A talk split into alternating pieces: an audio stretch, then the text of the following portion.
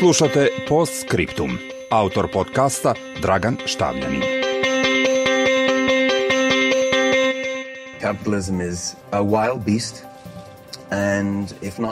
Kapitalizam je divlja zver koja ako se ne pripitomi može usput da proguta mnogo ljudi, rekao je frontman irske grupe U2 Bono na Svetskom ekonomskom forumu u Davosu, dodajući da je reč o amoralnom sistemu iako je izvukao iz siromaštva više ljudi nego bilo koji izam. Problem je između ostalog u nejednakosti koju kapitalizam generiše i koja se sve ubrzanije produbljuje, uprkos obećanjima najmoćnijih Problem je između ostalog u nejednakosti koju kapitalizam generiše i koja se sve ubrzanije produbljuje, uprkos obećanjima najmoćnijih i najbogatijih da će tome stati na put. To potvrđuje podatak da samo 26 najbogatijih osoba posjeduje imovinu kao i siromašnija polovina čovečanstva od 3,8 milijardi ljudi.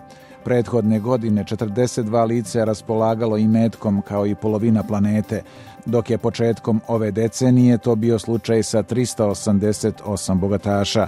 Najimućniji uvećavaju svoje bogatstvo svaki dan za 2,5 milijardi dolara. I metak svetskih milijardera je narastao sa 3,4 hiljade milijardi 2009. dakle po izbijanju ekonomske krize na 8,9 hiljada milijardi 2017. godine. To znači da najimućniji ne samo da nisu snosili negativne posljedice krize koju su dobrim delom izazvali, nego su znatno uvećali svoje bogatstvo zahvaljujući intervenciji države koja je smatrala da su multinacionalne korporacije prevelike da bi se dopustio njihov krah. To je svakako uzrok socijalnih i političkih podela zbog kojih su današnja društva i svet u cjelini veoma nestabilni i jača populizam. Međutim, ljudi koji su pozvani u Davos da se pozabave problemima globalnog kapitalizma često su isti oni koji predstavljaju problem, odnosno odgovorni su za krizu. To simbolički ilustruje i činjenica da je bilo hiljadu i pol letova privatnim avionima kojima su učesnici došli u Davos.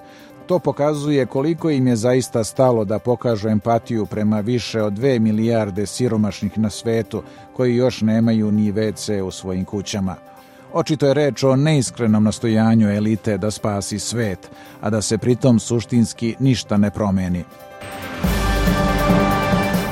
U međuvremenu francuski ministar financija Bruno Le Maire upozorava da bi kapitalizam mogao da propadne ako globalna nejednakost nastavi da raste.